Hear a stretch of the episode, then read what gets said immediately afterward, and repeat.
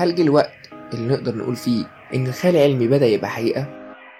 النهاردة هنتكلم عن شريحة إيلون ماسك الجديدة واللي هزت الأوساط العلمية. معاكم عماد عاطف ودي النشرة العلمية. الواضح إن جه الوقت إن الحاجز بين الخيال العلمي والواقع يتلاشى بسرعة. زي ما كلنا شفنا في مؤتمر اللي عمله رائد الأعمال الأمريكي والمدير التنفيذي لشركة سبيس إكس وتسلا إيلون ماسك عشان يكشف عن شريحة نيورا لينك الجديدة واللي هتتركب مستقبلا في دماغ البشر وهتساهم بشكل كبير جدا في المستقبل في تشخيص وعلاج مشاكل كتير جدا ليها علاقة بالمخ زي الحواس والأمراض العقلية الشائعة زي التشنجات العصبية وفقدان الذاكرة والإدمان وغيرها من الأمراض العقلية هل الشريحة الإلكترونية دي آمنة فعلا للاستخدام على البشر ولا لأ؟ الحقيقة إن قبل ما إيلون ماسك يعمل المؤتمر ده الفريق المختص بتطوير الشريحة قام محاولات كتيرة جدا عشان ياخد موافقة من إدارة الغذاء والدواء الأمريكية FDA ولكنه حصل على موافقة معلقة وليست موافقة نهائية لحين الانتهاء من التجارب السريرية على البشر. ولكن هل تم تجربة الشريحة دي مع البشر فعلا ولا لسه؟ في المؤتمر ظهر إيلون ماسك والفريق بتاعه وهما بيجربوا الشريحة دي على أحد الخنازير بعد ما زرعوها في دماغه وبدأوا يعرضوا النشاط الكهربي للمخ وهو بيقوم بأي نشاط مثلا زي إنه ياكل أو يتحرك وهكذا. لكن الشريحة دي هل فيها مميزات جديدة من نوعها؟ من أكتر الحاجات اللي هتميز الشريحة دي هي إنها ممكن تتصل لاسلكيا بأجهزة مختلفة زي أجهزة الأندرويد وأبل أو التلفزيونات الذكية وحتى عربيات تسلا. وبالتالي تقدر تتحكم فيها عن بعد وكل ده عن طريق تقنية البلوتوث داخل الشريحة.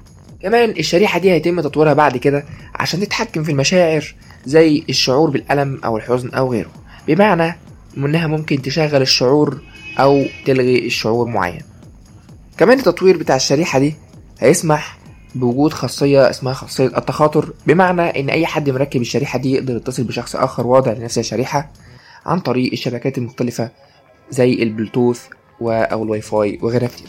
في خطوة تطوير مستقبلية أخرى في الشريحة دي ألا وهي القدرات البشرية الفائقة. بمعنى إنها تكسب حاملها مدى بصري أكبر ومدى سمع أعلى وتشغيل أو إلغاء مشاعر وغيرها كتير هل الشريحة المطورة دي هتبقى موجودة في الأسواق قريبا وهيبقى مدى سعرها كام؟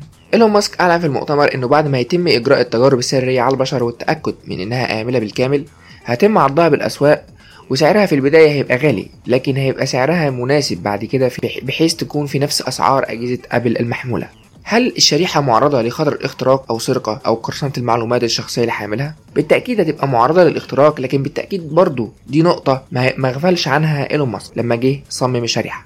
الشريحة تم برمجتها من قبل شركة نيورالينك بطريقة تحافظ على الشريحة من الاختراق أو سرقة المعلومات الشخصية الخاصة بحاملها.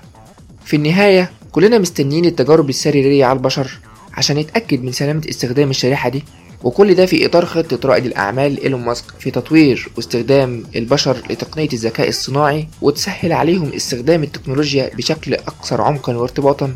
واللي علينا دلوقتي إحنا بنعيش في العالم اللي بيتحقق فيه الخيال العلمي اللي إحنا كنا بنشوفه بس في أفلام هوليوود.